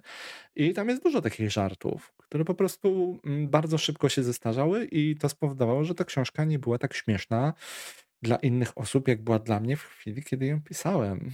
Ale zobacz, jaka samoświadomość tutaj i wyznanie. No to zapytam inaczej, e, Michał. Która z książek, pierwsza, druga, czy Ludzie dobrej woli, Kebabistan, którą z nich sobie najbardziej cenisz? E, czyli mówię o tych wszystkich e, trzech książkach, które się ukazały pod pseudonimem, zanim się pojawił Gruby, o którym rozmawiamy sobie dzisiaj. Czterech. Były cztery. A... Jeszcze była kacheksja. A to widzisz, to mnie umknęło w takim razie, to o, cię a przepraszam. sobie cenię najbardziej, ale wiem, że ludzie mają e, ci, te, te niewiele osób, które po nią sięgnęło i przeczytało, bardzo, bardzo mocno odbiły się od e, sposobu narracji, który jest taki jest pierwszoosobowy i e, ci, ci, którym się podoba ta narracja, mówią, że to jest takie fajne, bo to jest takie e, obca osoba przysiada się do was w pociągu albo w knajpie i zaczyna swoją historię i się strasznie szybko spoufala. I jednym to odpowiada, a drugim to bardzo, bardzo denerwuje. E, I ja to rozumiem. Ale też znaczy, że jakby ten zabieg, który jest celowy, e, jest skuteczny. Rozsierdził. W sensie zadziałał. W sensie jest dobrze użyty, skoro budzi tak skrajne emocje. Tak, tak, tak, tak sobie tłumaczę. E, więc z tej książki jestem najbardziej dumny, szczerze mówiąc. Jakby wydaje mi się, że tam wszystko, co sobie założyłem, e, wyszło tak, jak chciałem. I jasne, że nie No dobra, to, pytanie kluczowe, czy ty jesteś dumny z grubego? Hej. E, może za rok, jak zapytasz, to ci powiem, że tak. Wydaje mi się, Zaskakujesz że... mnie coraz bardziej. No ja po prostu nie, nie, Mistrz PR-u tak. wydaje książkę, tak. spotkanie autorskie. Prowadząca mówi, że jest szczerze poruszona. Czy ja jestem dumny? Nie wiem, ale doceniam tę szczerość. Jestem zadowolony ze sfery językowej. A ze sfery emocjonalnej?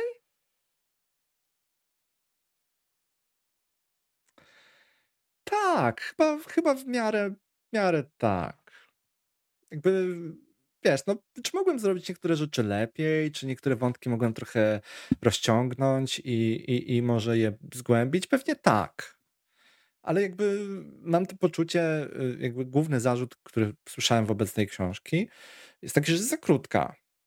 E, no jakby jest to zarzut typu to twoja opinia, e, kimkolwiek jesteś. E, jakby powiedziałem wszystko, co miałem do powiedzenia i wyszło 112 stron. I, I jakby wszystko inne byłoby na siłę. No to tworzenie waty tylko po to, żeby była objętość, byłoby nie fair w tym momencie, ale no, zastanawiam tak się, bo aż spojrzałam na nazwisko redaktora prowadzącego, Krzysztof Cieślik, w, w tej mhm. roli obsadzony, więc Nikt zastanawiam się, prawda? Nikt się nie spodziewał.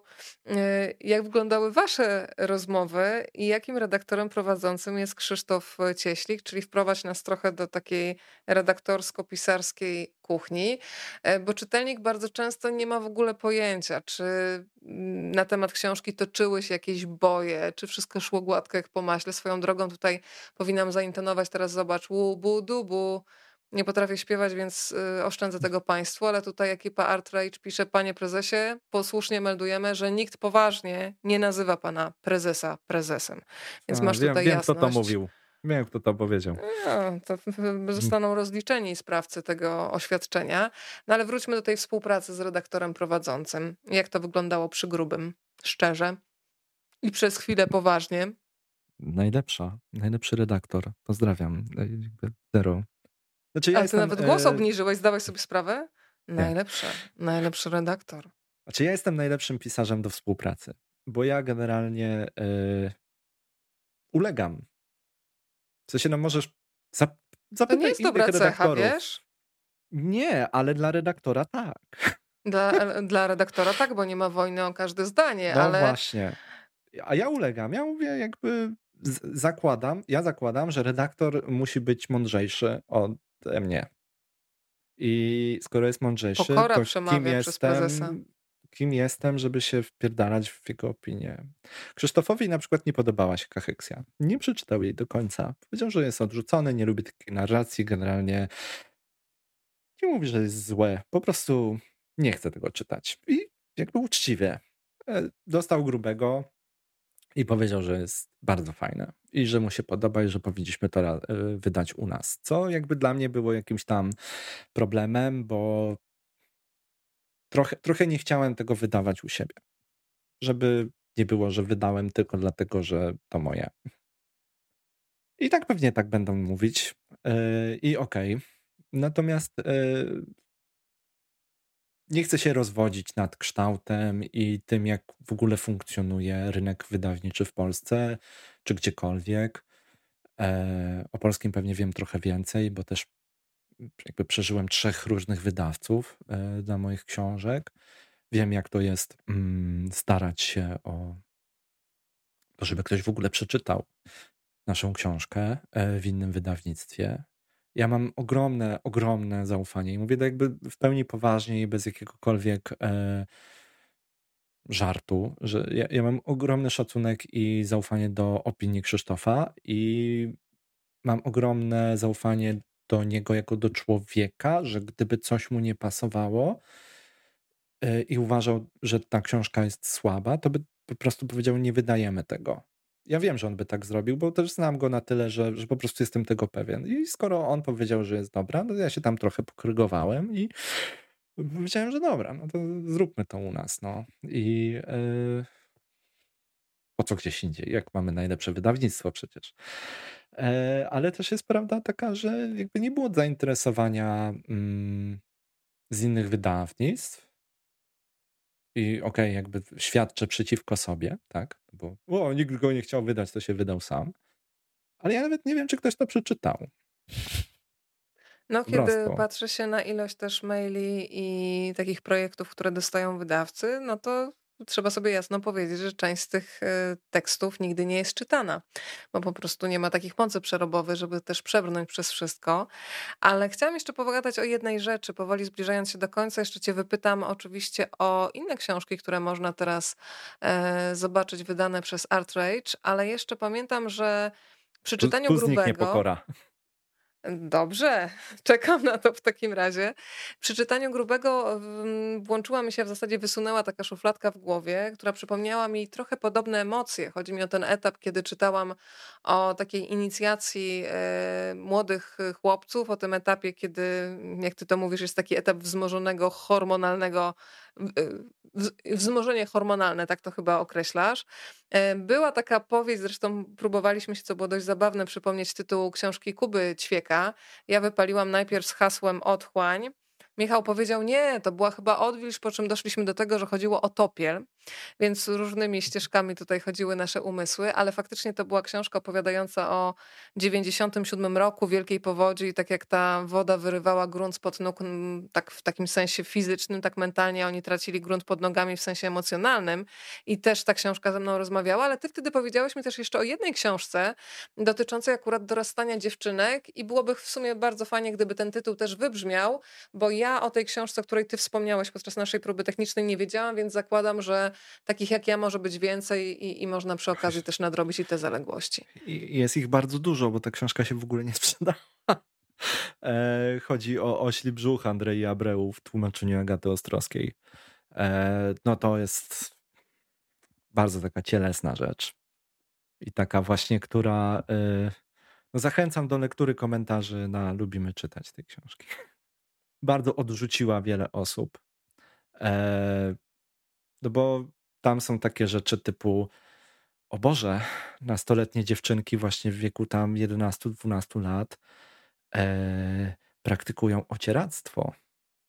Skandal. Przecież dziewczynki dziewczynki nie puszczają bąków, tylko mają motylki w brzuszku. E, I no, no, no, jakby jest to mm, lektura która może odrzucić. I wielu odrzuciła. Też opowiada o bardzo, bardzo toksycznej mm, relacji między dwoma dziewczynkami. Tako, takiej, e, że ktoś tam mm, mówi, że to miała być powieść o przyjaciółkach, a przecież to w ogóle nie są przyjaciółki. Ale to, to, to jakby nie, nie mieliście nigdy nikogo takiego, kto nie był wcale waszym przyjacielem, ale mimo to nazywaliście go swoim przyjacielem? No toksyczne relacje zdarzają się w życiu i dzieciaki e, źle określają te relacje, źle je nazywają, nie widzą problemów, jakie tkwią w tych relacjach, bo są tylko dziećmi. E, więc ta powieść e, również krótka, chyba około 150 stron, jest fantastyczna dla mnie osobiście. Chociaż jakby wydawałoby się, że nie jestem grupą docelową tej książki. E, ale mm, też warstwa językowa tutaj y, wielkie pokłony do Agaty Ostrowskiej, która no nie, nie, niesamowicie to y, zrobiła. Jakby ja nie, nie znam hiszpańskiego, więc po prostu nie umiem sobie nawet wyobrazić, co tam musiało się dziać e, w oryginale. E, jest tam wszystko. Jest, jest miesiączkowanie, jest porównywanie sobie piersi, jest żyganie, jest robienie kupy żeby nie powiedzieć e, brzydziej. No wszystko, wszystko, co jakby dotyczy bycia człowiekiem i dzieckiem i jakie to jest trudne. Zwłaszcza mieszkając znowu na w Pipidówie, tak, na prowincji, czyli na Teneryfie, w tym wypadku hiszpańskiej. Słuchaj, no, pojawiło się pytanie jeszcze, Pojawiło się jeszcze pytanie od pana Piotra, potem już przejdziemy do pięciu lektur e, z wydawnictwa Art Rage, które będziesz rekomendował. Pan Piotr pyta tak. Czy było coś w pana okresie dojrzewania, co pana naprawdę zabolało i było motywatorem do napisania tej książki, aby móc się z tym ponownie zmierzyć? E, same trudności kształtują charakter i ja czuję się silniejszy przez to, czego wtedy doświadczyłem. Czy to był jakiś zbiór doświadczeń? Wiem, no, y, część jakby też wspomniałem o tym wcześniej, no miałem okres, że byłem gruby, tak? Ja, ja byłem grubym w klasie i to na pewno nie było dobre doświadczenie, e, które zresztą no, zostało ze mną do dzisiaj. W sensie ja nadal nie umiem prawidłowo ocenić e, tego, czy jestem za gruby, czy jestem za, chudy. Za chudy to nigdy nie byłem. Ale jest to jak taki kompleks na całe życie, tak?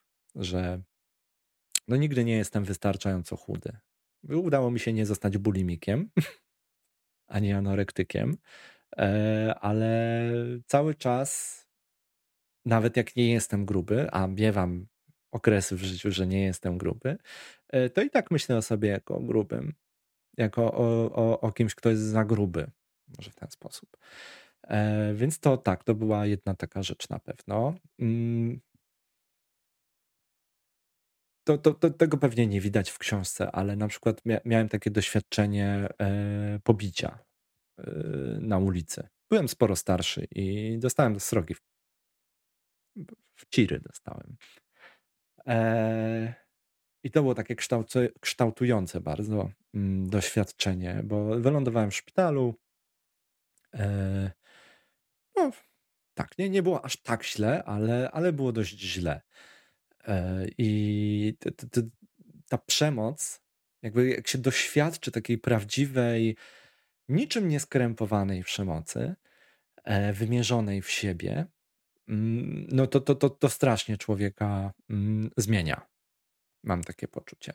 Jakby te, nie chcę mówić jakimś PTSD czy coś takiego, bo nie odczuwam, ale, ale to strasznie wpływa na to, yy, na mnie przynajmniej wpłynęło bardzo z tym, co, co jak chciałem yy, ułożyć sobie życie, zmienić siebie, yy, wprowadzić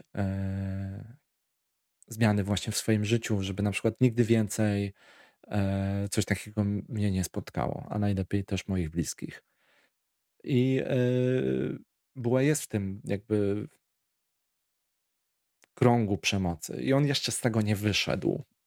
I on nie doświadcza jej w takim, mm, w takim stopniu, ale pewnie kiedyś to by mogło, pewnie kiedyś go to spotka. Bo e, człowiek, który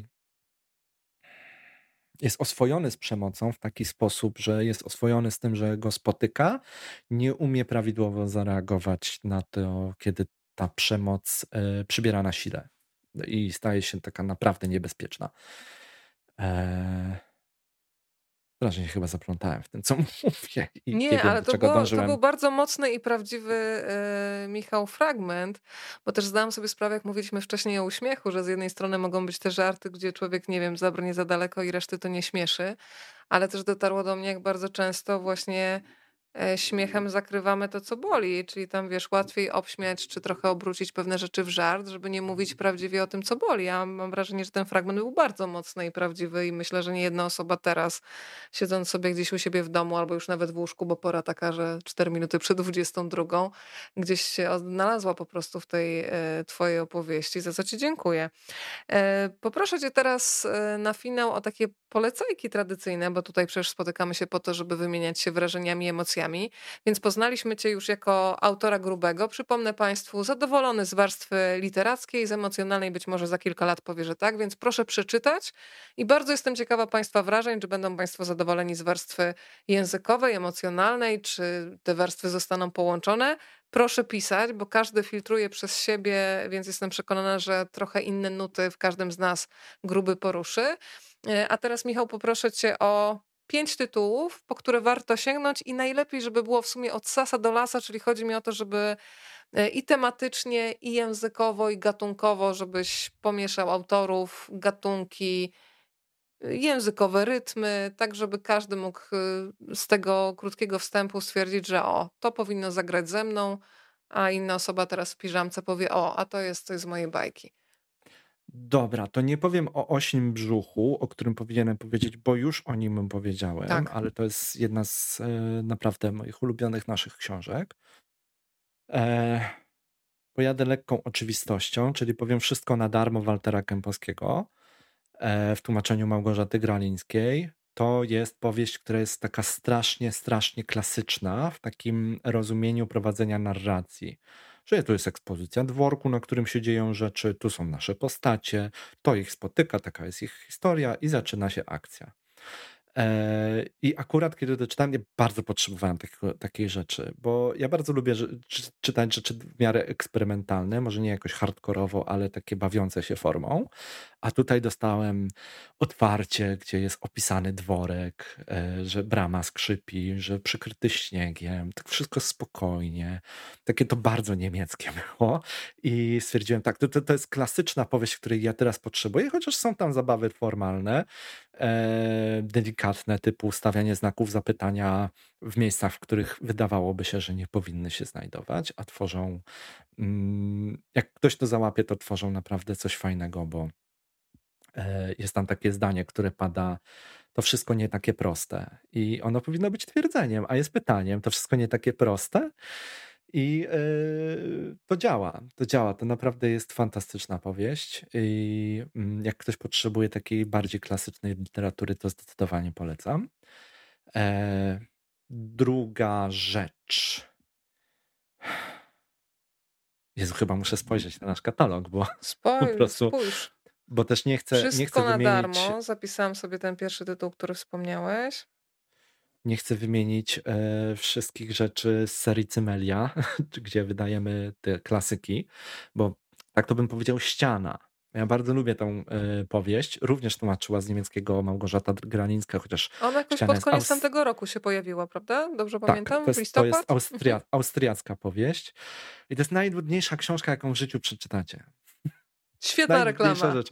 Ty to jesteś mistrzem PR-u. Nic się nie dzieje. No ale słuchaj, to, tam się nic nie dzieje, a ja od pierwszej strony po prostu tak siedziałem, że to, to musi jebnąć. To wszystko jebnie.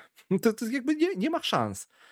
E, ale tam się absolutnie nic nie dzieje. Laska e, ląduje w Alpach, gdzie spada jakaś przezroczysta ściana, która ją oddziela od całej reszty świata. Ona tam zostaje z kotami, psem i krową i musi przeżyć w tych górach.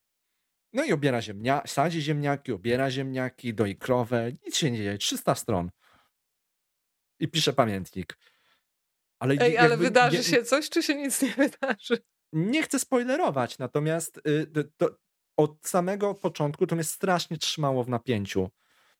Że, że tam nic się nie dzieje. To, to jest taka fascynująca nuda. Nic się nie dzieje, ale jednocześnie chcesz wiedzieć, co się dzieje. Chcesz wiedzieć, czy krowa jest chora i czy wyzdrowieje i gdzie poszedł kot. To są takie rzeczy, wiesz, totalnie... Chodzę, to coraz e, bardziej to czuję. Tak. Czy ziemniaki jakby tym razem obrodzą, nie? Bo umrze, jak nie obrodzą przecież, bo jest sama. Dogotowana no. już, czy za chwilę? A ona nie wie, to jest mieszczuch. Ona się tego uczy. Więc e, to jest super książka, którą e, bardzo, bardzo e, lubię i przeczytałem ją w poprzednim tłumaczeniu, bo wyszła e, dawno temu w piwie, e, ale musieliśmy zrobić nowe tłumaczenie, bo się nie udało zdobyć praw do starego. I stwierdziliśmy, dobra, nieważne, jakby robimy nowe. I trudno. E, Zostały jest książka. jeszcze trzy polecajki. Tak, no to niech będzie Sebastian Bary. Ja Sebastiana Barego kocham e, strasznie miłością wielką. Y, Z czego ta miłość wynika, powiedz? Bo to jest pisarz, który y, słowami Krzysztofa Cieślika ma wszystko. ma wszystko. I, I fabułę zrobi, i akcję, i językiem się bawi, wielorakością języków. E, I oddaje emocje bohaterów. Jakby no, każdy aspekt warsztatu pisarza ten facet ma w małym palcu. I teraz w marcu y, ukaże się y, po stronie Kananu w tłumaczeniu y, Kai Makaruk. No i to jest taka powieść przez duże P. Mm, wspaniała. O, o losach irlandzkich e, emigrantów w Stanach, którzy uciekają przed mm, royal... Nie, oni są royalistami, co też jest fajne, bo to jest takie nieoczywiste i uciekają przed, e, jak to się mówi, niepodległościowcami, tak?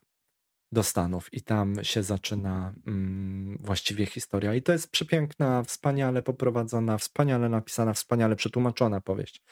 E, I polecam ją bardziej niż Tysiąc Księżyców, które już jest wydane, Sebastiana Barego, ponieważ bardziej mi się podobało. Jest uważam e, lepszą powieścią i mm, Krzysztof Cieślik, który tłumaczył Tysiąc Księżyców, zgadza się zresztą w tym, że to jest po prostu lepsza powieść. Chociaż Tysiąc Księżyców również jest wspaniałe, ale jest trochę inne i mniej się tam e, dzieje. Jest bardziej kameralne. E, więc ten Bary to zdecydowanie. No i niech będzie, Wyznanie że znowu... miłości przyszło, zobacz. Art Rage jest najlepszym polskim wydawnictwem, kocham, więc przekazuję ci publiczne Dobrze. wyznanie miłości.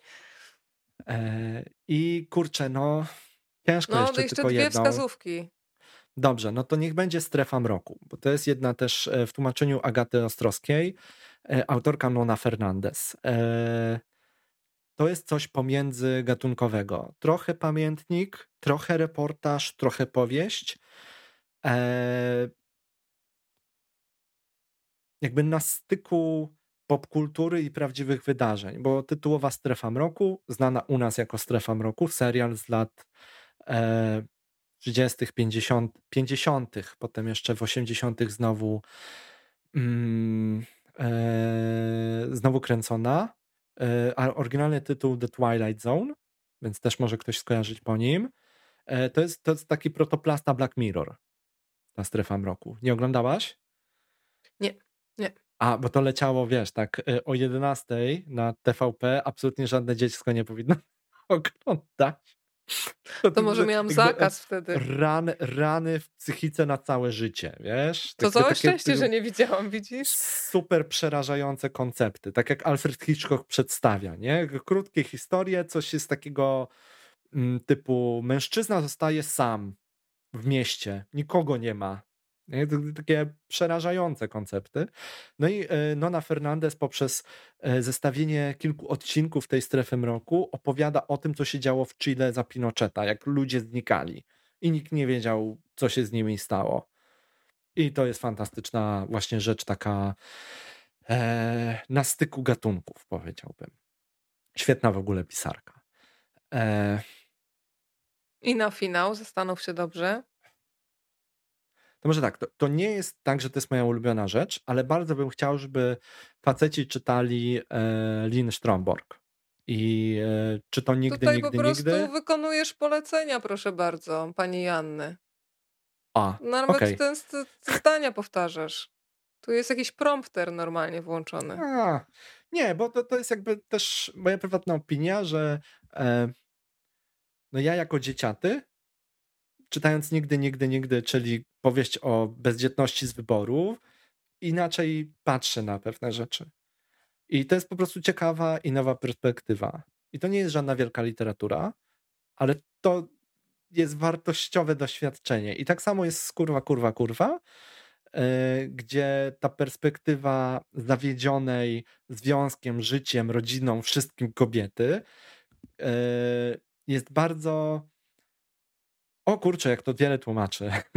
W sensie ta perspektywa, te rzeczy wszystkich, które nie mówią nam nasze żony często albo dziewczyny.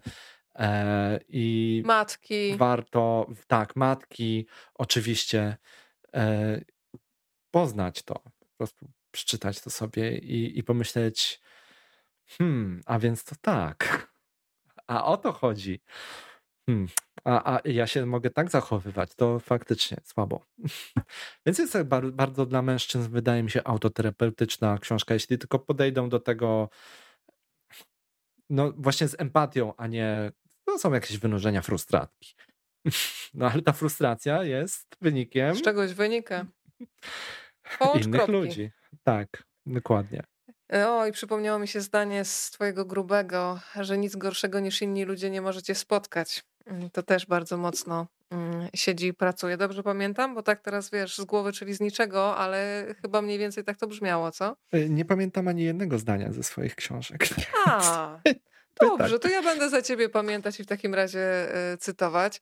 Drodzy Państwo, bardzo dziękujemy za e, to spotkanie. Tak jak mówiłam, proszę czytać, a potem dać znać autorowi szczerze po lekturze. Napisałam szczerze mnie dotknął i cały czas, i chyba wrócę, wiesz, do tych pamiętników, które odstawiłam gdzieś na bok, bo, bo nie miałam siły chwilowo, ale teraz powrócę. Gruby. Michał Michalski i ostatnie pytanie od pani, mm, gdzieś mi tu przemknęło, więc nie chciałabym, żeby zginęło. E, no tradycyjnie. Jaka będzie następna książka, panie Michale? Pan już wie, czy pan się teraz będzie koncentrował na... E, nie, twoja chyba, tak rozumiem. Nie wiem, czy będzie. I z nie tym wiem, pytaniem zostaniemy, z tym nie wiem. Nie wiem jest jak otwarte drzwi. Ani ich no, nie zamyka, tak. ani tak szeroko nie otwiera. Taka uchylona furtka. Nie no, w sensie, wiesz, na razie mam ochotę głównie grać w grę, no. Jakby...